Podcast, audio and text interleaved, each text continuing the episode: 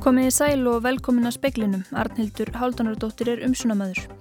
Það væru gríðarlega vonbriði ef Ísland færi á gráan lista alþjóðahópsum aðgerðir gegn peningaþvætti. Þetta segir forsættisráðara. Í morgun náðu breytar samkómalagi við Evrópusambandið um útgöngursambandinu. Endanlegi niðurstaða fæst þó ekki fyrir ná lögadaginn þegar Bereska þingi greiðir atkvæði um samningin. Formaður bæjaraðs á Seyðisfyrði segist gladur borga þúsund kall á betri vegi yfir auksi og vonar að landsmenn séu sáttir við að taka þátt í samgöngu bótum sem gagnist öllum. Lauruglumönnum á höfuborgarsæðinu býðist ekki að bæta kjör sín með breyttri launasamsetningu. Allir yfir laurugluþjónar hjá ríkislauruglustjóra hafa samið um slíkt. Íslenskir uppljóstrarar er oft, oft á tíðum erfiðara uppdráttar en uppljóstrarar annar staðar. Þetta er mat formans Blaðamannafélags Íslands. Ísland er gravreitur erlendra skyndibittakæðja. Þetta segir forsturu Dominos sem útilokar ekki að fjárfesta sjálfur í kæðunni hér. Rétt fyrir fréttir bárstau tíðindi að Tyrkir hefðu ákveðið að láta af hernaðar aðgerðum í norðaustur hluta Sýrlands. Þetta var ákveðið á fundi Erdogans Tyrklandsforsetta með Mike Pence var að forsetta bandaríkjana í Ankara. Fyrir vikið fallast kúrdar á að draga herlið sitt frá svo nefndu öryggisvæði sem Tyrkir hafa farið fram á til þess að geta sendt fjölda sýrlenskra flótamanna heim frá Tyrklandi. Katrín Jakobsdóttir fórsættisræðara segir að það erðu gríðarlega vonbriði ef Ísland lendi á svo kalluðum gráum lista alþjóðahópsins FATF um aðgerðir gegn peningaþvætti og fjármögnun hriðverka. Á listanum eru ríki sem kalluð eru ósamvinu þýð meðal annars Afganistan, Norður Kórea og Írak. Eftir að hópurinn skilaði skýslu um 51 ágalla og umgjörð og framkvæmd í málafloknum fóru stjórnvöld að vinnað úrbótum. Ég lít svo að segja það að það eru mér auðvitað vonbriði ef niðurstað verður svo Ísland lenda á gráum lista því við höfum unnið mjög ötulega þessu mánu undanfærið eitt og halvt ár. Eh, það ætti í raun og veru aðeins að vera eitt atriði útistandandi af öllum þeim atriðum sem voru nefndi í upphæflum skýslinu þessu 51 atriði. Þannig að það er að sjálfsögðu vonbriði og það er ákveðin óvissa sem verist fylgja því. Við höfum dæmum að þessi listi hafi haft lítil áhrif en að sjálfsögðu er mér andum okkar orðspúr og ég tel eh, kannski að þarna sé verið að breyðast ansi hart við þeirri stöðu sem raunverulega er uppi. Saði Katrín Jakobsdóttir. Leðtóra á Európa-sambandsríkja samþykti einróma nýjan Brexit-samning á fundi í Brussel í dag. Þar með er leiðin orðin greið til að senda breska þinginu til umfyllunar og atkvæðagreðslu. Einnig þurfa þjóðþing Európa-sambandsríkjana að samþykja náður en Breitland gengur úr sambandinu 31. oktober. Nánarum Brexit síðar í speklinu. 560 miljardum króna verður varið í vegagerð á næstu 15 árum samkvæmt uppfærði samgöngu áallun. Gert er að fyrir að gjald verði tekið í öllum göngum og stemta því að alltaf verði framkvæmdir í gangi við að minnstakosti einn göng. Ákveðnum framkvæmdum verður flýtt með því að vinna þeir í samstarfi við enga fyrirtæki og taka gjald. Meðal þeirra er tvöföldun kvalfjörðaganga, jarðgöngum reynisfjall og aksarvegur. Rúnari Gunnarsinni, formanni bæjaraðs á Seyðisferði, hugnast vel að tekin veikjöld. Við lögðum upp með það strax í fyrra þegar við tókum við þessi nýbaðistjórn að, að hérna hlut af okkar áskorun var að við myndum taka þátt í veikjöldum og ég vona bara landsminn allir séu sáttir við að taka þátt í uppbyggingu sem að hendar öllum, ekkert bara okkur. Við viljum greiða veikjöld í okkar göng og allra annara göng og, og, og alla þar vegabætur sem eru í bóði. Axarvegu til dæmis er, líst mér mjög vel á það. Ég skal gladur borga þúsu kall fyrir að fara yfir Axarveg. Þannig að ég vona bara að séu allir sáttir við að taka þátt í uppbyggingu og samgöngum á landinu í helsinni. Segir Rúnar Gunnarsson.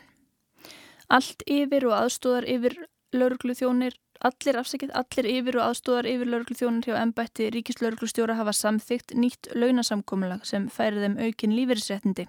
Formaður félags yfir lauruglu þjóna segir ekki einstæmi eða samningur, samningar sem þessir sjö gerðir.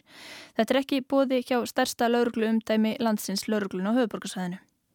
Fréttastofa greindi frá því í gerað yfir og aðstóðar yfir lauruglu þjónum hjá ennbætti ríkislauruglustjóra hafi verið bóðið nýtt launarsankomulag þar sem först yfirvinna verður hluti af förstu mánalaunum. Formaður lauruglustjórafélagsins vakti aðtegli dómsmálaráðanindisins á þessu og sæði blasa við að tryggja eigi þeim betri lífeyrisettindi. Í svörum ríkislauruglustjóra segir að frumkvæði hafi komið frá formanni félags yfir lauruglu þjóna sem er Óskar Bjartmars yfir lauruglu þjótt hjá ríkislauruglustjóra. Í samtali við fréttastofu segir Óskar Máli til komið vegna þess að viðbútar fossendur í stopnarsamningi hafi ekki náð til yfir og aðstofar yfir lauruglu þjóna. Óskar segir að allir þeir sem stóð sankomulæti til bóða hafi fallist á það. Spörður út í þá fullöringum að þetta sé gaggjert til þess að bæta lífeyrisréttindin svarar Óskar því til að þetta sé ekki óþægt, korki hjá lauruglunni niður annar staðar. Sjálfur starfar Óskar hjá ennbætti ríkislauruglustjóra og skrifaði hann undir sankomulæðið. Þetta hafi vissulega áhrif á lífeyrisréttindi hans án þess að hann hafi skoðað það sérstaklega. Hann bæti við að málið hafi verið rætt á fundi félags yfirlöglu þjóna. Þar hafi almenn ánægi verið með samkómulægið og segist hann vita til þess að þreyfingar séu hjá sumum ennbættum að fá sambarlega samninga. Sigriði Björg Guðjónsdóttir, lauruglustjóra á höfuborgarsvæðinu, segir að svona samningu standi ekki til bóða hjá ennbættinu. Hún vildi ekki tjásu um málið að öðru leiti. Magnús Geir Ejjólfsson saði frá. Íslenskir uppljóstrarar eiga oft á tíðum erfiðara uppdráttar en uppljóstrarar annar staðar. Hinn er íslensku hafa átt erfitt með atvinnu og fjármál eftir að hafa flett ofan af málum, segir formaður Bladamannafélags Íslands. Árar frá því að nefnda á vegum stjórnvalda skilaði tillögum sem lútað frumvarfi um vernd uppljóstrara sem enn hefur ekki verið lagt fram og nýju ár síðan þings álíktunar tillega var samþygt um að Ísland skildi verið fararbrotti og setja lögum vernd uppljóstrara. Á umfjötninni í þinginu og og framgang þar. Hann segir lagasetningu sem þessa flókna og það takir tíma að vinna frumvarpað þessu tægi. Nýju ára eru síðan aldingi samþýtti innróma þings álutunartillögu um að Ísland ætti að vera í fararbrotti og setja lögum vend uppljóstrara. Við þurfum að tryggja gagsa í þessu samfélagi eins og kost, nokkuð kostur er og partur af því er auðvitað að, að fólk geti óhrætt eh, látið vita um mögulega spillingu eða, eða, eða sem misfari með fjö eða vald og hérna Þannig að það likur bara í hlutanins aðeins í líðræðislu og nútíma samfélagi þá, er, þá eigum við bara að finna aðferði til þess. Smæð Íslensk samfélags gerir það verkum að enn mikilvægara sé að tryggja að uppljóstrar njóti ríkrar vendar. Yfirleitt lenda menn í miklu nærvileikum og þetta er bara samviska fólk sem býður því að koma fram og það fylgir sinni samvisku en yfirleitt hefur það kostað fólk fjárrakslega og, og atvinnulega og því miður að þá er það eh, reglan frekar en hitt að þeir hafi koldið þess með einhverjum hætti og sem auðvitað ítir undir, undir þöggun í þessu samfélagi sem við meðum alls ekki líða. Þannig að gagsægi er alltaf líkil aðrið í líðræði samfélag. Þetta saði Hjálmar Jónsson, Marja Sigrun Hilmarsdóttir rætti við hann. Venezuela treyði sér í dag sæti í mannréttindar á því saminuðu þjóðana þrátt fyrir eindregna andstöðu ímissa mannréttindahópa og annara ríkja í Rómunsku Ameríku. Stjórnvöldi Caracas sleftu 24 andstæðingum sínum úr haldi í tilefni dagsins. Atkvæði voru greitt á allsýrðingi samanuðu þjóðana í dag um 14 sæti í mannréttindaráðunum, þar af tvö sem komi í hlutur Rómansku Ameríku. Brasilíumenn fengu annað. Fórseti Kosta Ríka tilkynnti fyrir þessum mánuði að til þess að koma í vekk fyrir að Venezuela fengi hitt býðan fram starfskrafta síns ríkis í ráðið. Hann varaði við því að hleypa Venezuela í mannriðnindaráðið þar sem stjórn Nicolás Maduros fórseta hefði staðið fyrir mannriðnindabrótum af ymsu tægi svo sem að fangelsa stjórnaranstæðinga og beita þá pyntingum til að geta hangið á völdum. Þrátt fyrir mótmælur ímsum áttum fekk Venezuela sætið með tilstyrk rússa, kynverja, kúpverja og fleiri þjóða. Nýðurstöðinni var fagnað í Caracas sem mikilvægum áfanga í þeirri viðleitni venezuelsku þjóðarinnar að berjast fyrir friði. Ríkisaksóknarinn til efni þessa hefði 24 stjórnaranstæðingum verið sleftur haldi. Í síðasta mánuði skipaði mannréttindaráðið sérfræðinga nefnd til að kanna ástand mannréttindamála í Venezuela frá árinu 2014 og fram á þetta ár. Stjórnvaldi Caracas kolluðu þá aðgerð fjandsamlega og lístuð því yfir að þau ætluðu ekki að starfa með nefndinni. Áskir Tómasson saði frá. Rafrænir fylgisæðlar með livjum myndu bæta öryggi sjúklinga og kæmi vekk fyrir livjaskort á hér á landi, segir livjafræðingur. Ísland sé of lítill markaður í augum margra livjafyrirtækja. Ísland er í fóristu Norðurlandathjóða sem óska eftir þeirri breytingu á evrópskri reglugerð að heimilt verði að nota rafræna fylgisæðla með livjum í stað prentaðra eins og nú er krafist. Ísland er lítill markaður í augum livjafyrirtækja og er því sett inn á stærra markasvæði með öðrum Norðurlandum. Prentaður fylgiseðil með livjum þarf til að vera á öllum norrænum málum. Segurbjörg S. Guðmundsdóttir livjafræðingur segir að það sé letjandi fyrir livjafyrirtækin og rafrænir fylgiseðlar getur því spórnað við livjaskorti hér á landi. Með rafrænum fylgiseðlum þá væri hægt að markasetja Norðurlöndin sem heilt markasvæði og þá myndir klárlega livjaskortur á Íslandi batna til muna. Rafrænir fylgisellar myndi ekki síður gagnast erlendum ríkisborgurum hér á landi eins og hjókrunafræðingurinn Grasína og Kunjevska hefur kennst. Já, þetta er mjög lítilegt og ofsalega mikla upplýsingar og ef þessar upplýsingar eru á rafrænu formi getur fólki hérna, að finna þessar upplýsingar sem þeir hafa áhuga, stakka letrið og lesa. Saði Grasína og Kunjevska áður heyrðist í Sigur Björgu G. Guðmundsdóttur. Andri Irkill Valsson tók saman. Um 70 gráðu heitt vatn streymir nú úr hitaveituhólu við golvöllin í Gravarvogi. Vatn fór að streym upp úr hólunni fyrir dag en hún hefur ekki verið virkuð. Þetta kemur fram í tilkynningu frá veitum. Talið er að vassstreymið megi reykja til framkvæmda veitna í Geldinganesi. Svæði kringum hóluna hefur verið girt af en búist er við að vatn komi úr henni næstu tvær vikur að á meðan framkvæmdir standa yfir í Geldinganesi. Hólan er við enda fjölfærins göngustík svo eru íbúar í Gravarvogi beðnir að fara varlega. Í morgun á 11. stundun náðu breytar og Evrópusambandi saman um útgöngusamning breyta. Á 11. stundu af því að í dag byrjaði leðtóafundur Evrópusambandsins sem á að samþykja samningin. Næsta skref verður svo í breska þinginu og lögadaginn þegar samningurinn verður ventanlega lagður fyrir þingheim. Sigur Davistóttir, þú hefur fylst með framvindunni undanfarið og eru báðir samningsadalar ánaðir eða hvað? Já, við skulum heyra hvernig Boris Johnson fórsætsræður að breyta kynnti samningin á bladmannafundi í morgun. Uh, I do think that this deal uh, represents uh, a very good deal both for the EU and for the UK and it's a, a reasonable, fair outcome and reflects the uh, large amount of work that's been undertaken uh, by, by both sides. Það klukkaði e, ánægin í fórsætsræðara þegar hann undistrykkaði að samningurinn væri góður og sangjart fyrir báða aðila og endur speiklaði hvað samningsaðilar hefðu lagt sig fram. Nú leðtóafundur Evropasambandsins mun vantilega samþykja samningin því Michel Barnier, aðalsamningamæður ESB, e, samti samkvæmt umbóði. Patience is a, is a virtue. Huh? And I already said that the Brexit is a school of patience. Já, Barni hefur oft sagt það sama og hann sagði í dag. Þólinnmæði er degð og Brexit hefur verið harður skóli í þólinnmæði. Og ef við lítum aðeins á innihald samningsins, nú er þetta annar útgöngusamningunum sem að Bresk ríkistjótt gerir. Theresa May þáverandi fórsætsræður að samti fyrir um ári, sá samningur þrýfeldur í þinginu sem að leti svo til afsagnar May. Er mikill munur á samningi Johnsons og samningi May? Það er ljóslega einhver munur en það á eftir að svona koma betur ljós að það búið að rína í samningin en það hefur talað um að Johnson hafi dusta ríkið af drögum sem May hafði samþygt á sínum tíma og sem Johnson þá utarikisrað þeirra sagði af sér út af og var gríðarlega harðordur um þá. En það er allavega ljóst að báðir hafa gefið eftir og já, það er munur. Írska þrautavara lausn mei, svo kalla backstop, átti að tryggja opin landamæri millir Norður Írlands og Írlands eins og er núna. Útfærsla lausnarinnar, hún fór, fór einna verst í anstæðinga samningsins.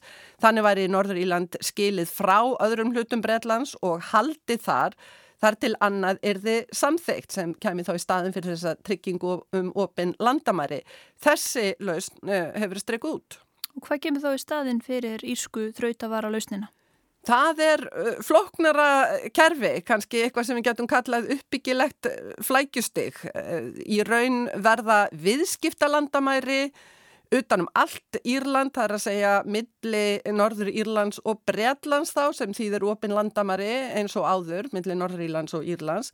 Nú Norður Írland verður tengt innrimarkanum, svo er þetta virðisauka skattur, uh, spurning um tvöfald kerfi verist vera og þar skiptir máli hvort umræða innflutning uh, og eins hvort varan fer þá áfram frá Norður Írlandi til Írlands eða annar hluta Breitlands.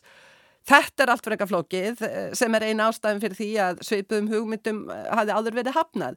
En hins vegar verða lagaleg landamæri á milli Norður Írlands og Írlands og það þýðir að viðskiptarsamningar sem Breitland gerir e, og er einn aðalástan fyrir Brexit, þeir gilda líka fyrir Norður Írlands og þannig er ríkjaheildin ekki rofin en eins og ég segi uppbyggilegt flækjustig og uh, stjórn Boris Johnson hefur ekki þing meiri hluta er örugt að breska þingið samþykja nýja samlingin, þetta ná í gegn?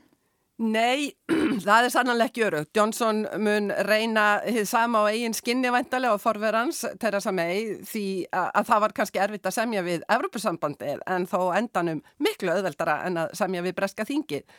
Johnson þarf 320 atkvæði, það má rekna svona með ímsumóti hvað hann er langt frá þessu Í þriðju atkvæðagreislinu um samning mei þá voru 286 þingmenn sem stuttu þann samning.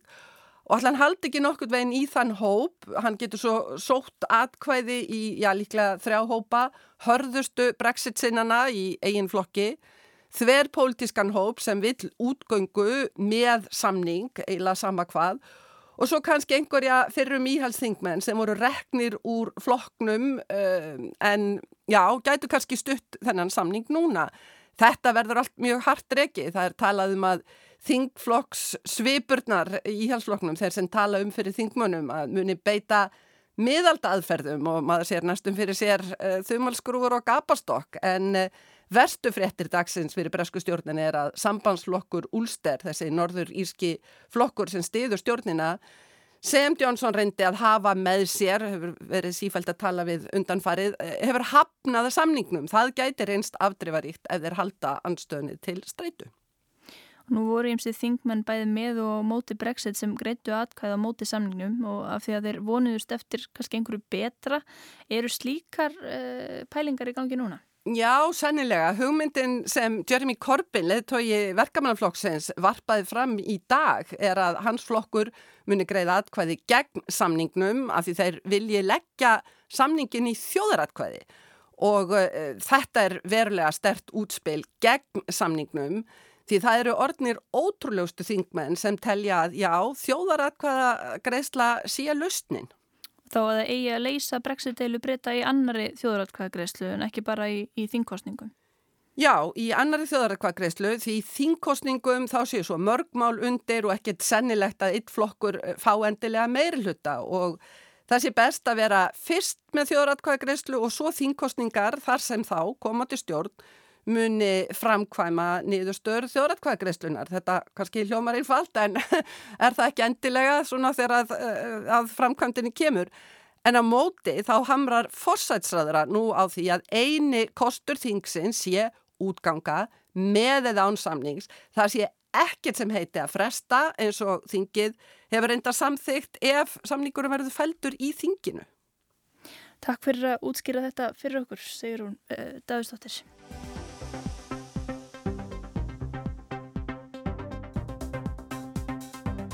Flatböku sjúkir Íslandingar sem reyða sig á þriðudagstilbúð Dominus geta anda léttar, það verða engar trublanir og rekstri skyndibita keðjunar þó að breski eigandin hyggist selja starfseminna hér í Nóri og í Svíþjóð. Speilin heitti Birgi Örd Birgisson Forstjóra á Dominus í skefinni.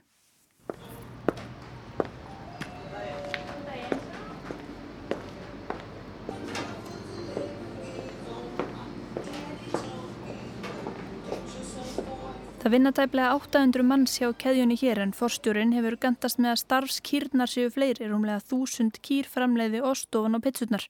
Fyrsti staðurinn opnaði við Grensásvegi Reykjavík árið 1993 og nú tæpum aldarfjörðungi síðar eru staðinir orðnir 25 og víðum land. Það er ekki margar stórar alþjóðlegar keðjur sem gera það gott hér. Söpvi hefur auðvitað sterkar stöðu, KFC líka. Íslandingar eru oft saðir svolítið amerískir í háttum þegar kemur að skyndibita en samt gefast margar keðjur upp á okkur. Birgir Birgisson, forstjóri Dominus og Íslandi, segir Ísland hafa reynst alþjóðlegum keðjum erfiður markaður. Ég myndi segja að hann var mjög erfiður. Þetta hefur svona verið ákveðin gravreitur fyrir alþjóðlega skyndibita keður. Eh, meira heldur en nokkur starf annar starf í heiminu. Dæmin eru eiginlega endalus. McDonald's og Burger King, Papa John's, Krispy Kreme, Dunkin Donuts. Þetta er hérna engin smá nöfn og engin smá veldi en hérna þeir hafa ekki náða að klára dæmi hér. E, ástæðan markþægt. Þetta er erfiðu vinnumarkaður. E, við erum með mikla sveiflur í íslensku hagkerfi og ég held kannski að það sé erfitt fyrir stórar keðjur að aðlega sefn. Hann segir að Dominós hafi komið inn á markaðin á réttum tíma, látið sig hafa sveiflunar, verið samkeppnishæfkeðja og haldið stöðuleika í gæðum og þess vegna lifi hún af. Utanfrá séð hefur litið út fyrir að rekstur Dominós gangi vel. Fyrirtækið seldi pitsur fyrir 6 miljardægi fyrra og hagnaðist um halvan miljard. Stjórnendur sögði fyrir að innistæði fyrir því að opna 6 nýja útsölustæði.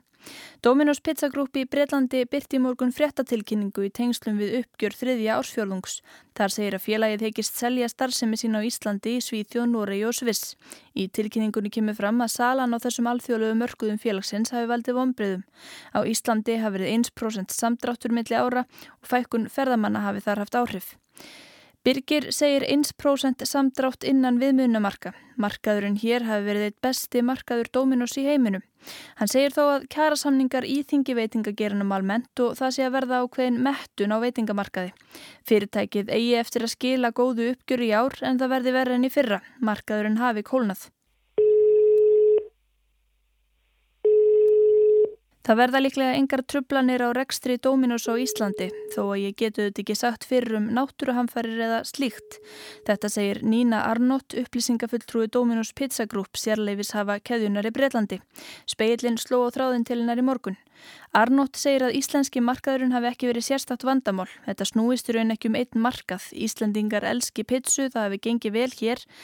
Það er ekki þið, segir hún, það eru við. Þetta snúist um hvað breska félagi telji best fyrir sig. Það vil ég einbita sér að breska markaðnum og telji aðra betur til þess fallna að sjá um keðjuna í öðrum löndum. Þá helst fólk sem þekki betur til markaðarins á Íslandi og í Skandinavíu. Vinnan við söluferðlið er á byrjunaritt. Hún segir félagið ekki með neitt ákveðin kaupanda í huga en að líklegast verði öll starfsemin í löndunum þremur seld á einu bretti til einhvers eins kaupanda. Það verðist skinsamlegasta leiðin þó hún veit ekki hvað verði. Birgir Bíldveld stopnaði félagi Pizza Pizza árið 1993. Birgir kom að rekstriðast til 2005. Landsbankin tók félagið yfir í mars árið 2011 og setti það fljóðlega söluferli. Aftur kifti Birgir Bílveldauk hóps fjárfesta. Frá þessum tíma hafa bæst við 11 sölustæðir og starfsfólki hefur fjölga til muna. Birgir Bílveld kifti líka sérleifisréttin í Nóri og Svíþjóð. Dominus sótti í raun inn á þá markaði frá Íslandi. Árið 2016 kifti Breski sérleifishafinn Dominus Pizza Group helmings hlut af Birgi Bílveld með kaupunum fylgdi réttur til að eignast félagiði heilt. Í lók ást 2017 losaði Birgir sig við sinn hlut og í ágúst á þessu ári seldu Birgir Örd Forstjóri og Steinar Bræi Sigursson 4,7% hlut sinn í félaginu Pizza Pizza. Breski sérleifishafinn átti þá Dominus hér með húð og hári en nú tveimur mánuðum síðar vil félagið losa sig við allt saman. Ráðgert er að starfseminn hér verði áframundir merkjum stórfyrirtækisins Dominos. Þeir sem vilja kaupa þurfa því að kaupa bæði starfsemmina og sérleifið fyrir nafninu. Slík leifi geta verið dýr og svo er ekki víst að íslenskir fjárfestar hafi áhuga á starfseminn í Svíþjóð og Noregi síðan þannig. Í mars á þessu ári fór Dominos pizza á hausin í Danmörku. Staðinir 24 skellt í lás og fyrir því var ástæða. Frettamæður TV2 hafði sínt fram á alvarlegar brotalamir í hreinlætismálum. Hann reðs til starfa hjá keðjunni og komst að því að útrunnið kjött var notað á flatbökunar, áleg var gemt í kössum og ekki fylst með því hvenra þar hann út, já það var róttu skítur á golfinu. Það var Dominos skandalen sem kerði keðjuna í þrótt en ekki fyrir fullt og allt því sérleifis hafinn sem reykur keðjuna í Ástralju, Japan og Nýjasjálfandi hefur keift réttin í Damörku og ætlar að rýfa starfseminna upp. Ástralski fransjasinn hefur verið í sókn í Evrópu, reykur keðjun í Fraklandi, Belgíu, Hollandi og Þýskalandi og hefur almennt gengið betur í alþjóðlegu starfseminni en þeim breska. Koma þeir ástralsku kannski inn á markaðin hér? Finnst mjög öryrtt að spáða um það. Þeir eru mjög flott fyrirtæki sem hafa gert góða hluti viðsvegar bæði í Evrópu og Asju. Eh, þeir hafa mikla þekkingur einslu. En það eru margir aðrir aðlæðar sem komið til greina. Ég held að þetta sé eftir sókn að vera lönd að, kaupa og fá sérliði fyrir og Ísland kannski sérstaklega en það hefur að ganga vel hér. Uh, heldur að nafniðin Bíldveld uh, eh, kaupið þetta kannski bara aftur eða hefur þú sjálfur áhuga að kaupa? Já, Sagan segir okkur að hann hefur komið nokkur sunnum að borði. Hann er mjög hæfur í, í, í rekstra Dominós og mér finnst ekkert ólíklegt að hann muni skoða þetta tækifæri. Ég, ég segi það sama, eh, mér finnst þetta áhugverst tækifæri og, og svo verðum við bara að sjá aðeins hvernig spilin þetta borði. En uh, nú segir upplýsingafulltrúi Dominus Group uh, mér að, að það standi til að selja helst allt saman eða svona það sé líklegast. Hugnast það hugsanlegum kaupendum hér að kaupa þá líka upp markan í Noregi og Svíðþjóð? Sko ef það enda með því að þetta verður allt selt í einu lægi þá finnst mér ólíklegra að það verði íslenskir aðalega sem komið til leiks. Mér finnst líklegra að einhverju erlindir aðalega mun að horfa á það. En uh, ég ætla svo sem ekki útlöka neitt. Uh, nú hefur verið ákveðin samþjöppin á veitingamarkaði. Nýlega saminuðist fútkó og gleðipinnar. Kaupir kannski þetta saminnaða félag Dominus og samþjöppun ykst frekar? Já, aftur. Þetta er alltaf erfitt að, að spá fyrir. En að samanskapi, já, það er samþjöppun og ég held að verði meiri samþjöppun. Þetta er harður heimur saði Birgir Örd Birgisson.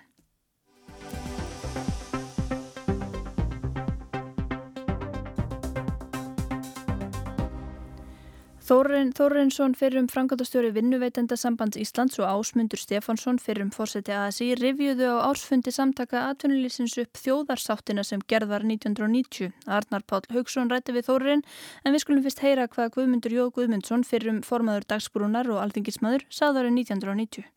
Eða heldur ekki velægið, vextinnir og uh, búveruverðið, ríkistjórnin verkalýsfélugin ef einhver hópur fyrir að vaða upp í hækkunum fyrir ofan almennt verkafólk þá er það búið. Menn þurfa átt að sjá því að það verður að byggjast á gagfæmu jafnræði á milli hópa.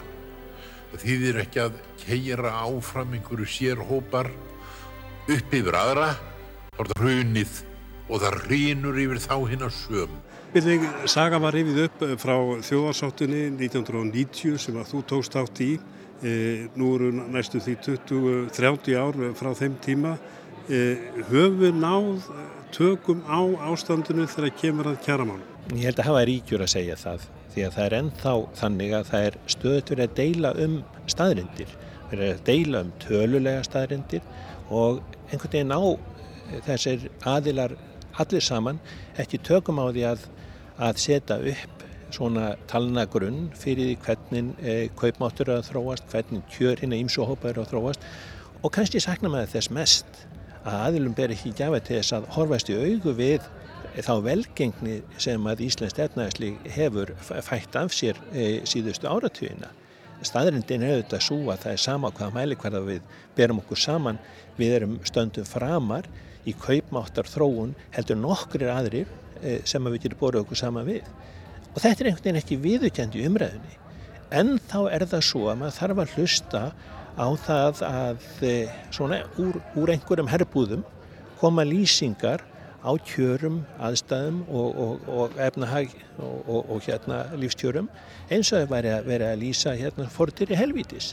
Það má segja það, þú talar um það þegar þú ríverðið upp að kjaramál hefur verið allstaðar eitt aðalmálið Eh, öll ár og öllum tímum en nú má segja að 1919 eh, kjaramál hafa sett svipsinn á þetta ár og það má segja jæfnilega að við séum bara já, komin halva leið. Getur þetta breyst núna, þessi stöðuleiki, er húnum að eitthvað litið ógna svo ég spyrir bara hreint út ef að ofinbæra starfsmenn semja á öðru nótum. Það hefur undrað mig afar mikið að lítil frétt sem að byrtist í, í hérna ríkisútarpinu og reynar fleiri fjölmiðlum á dögunum um, samaburð á heildarkjörum ofnbæra stafsmann á Íslandi miða við það hvernig e, þeirra e, hvernig ofnbæra stafsmann á hinnu Norrlundum hafa hefur enga aðtegli vakið. Ríkisútarpi fluttið þar fjettir að ofnbæri stafsmann heildarlaun ofnbæra stafsmann á Íslandi séu 70% herri heldur en e, stéttabæraður þeirra í Svíþjóð. Þetta hefði mér nú ekkert að fundist tilefni til þess að maður stöldur hufið og segðu býtu hvað eru við eiginlega stönd og að við þessar aðstæður standi ofinbæri stafsmenn á Íslandi og segi að það sé að þeim sé sínt vannvirða í kjaramálum er manni óstílanlegt. Fyrst þér að þess að vera gætu ógnað að þeim stöðuleika þeirri sátt sem er þó orðin vegna lífskjara samningana? Ég held að það sé sammert með þessum samningu sem nú eru gerðir og samningunum sem gerði voru fyrir 30 árum að ef að stórir hópar e, brjóta sig út úr og ná að knýja fram einhverju alltaf að þróun sér til handa þá muni það raska jafnvæginu og endur vekja kröfur um, um e, hlýðstæða þróun. Þar með væri stöðuleikin fyrir vind, e, þar með væri þessi jákvæða þróun sem við erum að horfa á líka fyrir vind. Þannig að það er sannlega Það er sannlega hættur fólknar í því að þessi óleistar kjaradeilur og stórum hluta vinnmarkaðins. Bara lokum uh, gengur okkur Íslendingum erfilega að temja okkur öguð vinnubröð þegar kemur að uh, kjara samningum og samninga gerð. Alveg öruglega. E, það sem að stjórnvöld og heldasamtök og vinnumarkaðir gera núna er að koma upp, reyna að koma upp svona samrændum e, samanburðargrunni um tölfræði þannig að það veri auðveldar að tala saman og þurfa ekki að deila um allan talnagrunnin. Það getur hortið heilla, sínist mér, en orðræðan hún er hættulega aukakend og tekur hættulega lítið mið af því hvað raunverulega hefur verið sótt gríðarlega mikið fram hér á landi í síðustu 20-30 árin. Þetta var Þórarinn Vaf Þórarinsson, Arnar Páll Haugsson talaði við hann. Það var meðal efnis í speklinum í kvöld að Tyrkir hafa ákveðið að láta af hernaðaraðgerðum í norðu austurluta Sýrlands. Þetta var ákveðið og fundi Erdóans Tyrklandsforsetta með Mike Pence var að forsetta bandaríkjana.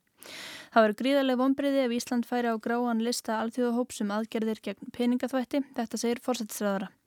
Veðurhórur á landinu til miðnættis annað kvöld, minkandi norðaustanátt, hægviðri síðdegis viða létt skíjað en skíjað austan til og dálitlar skúrir á Suðurlandi annað kvöld, kólunar heldur.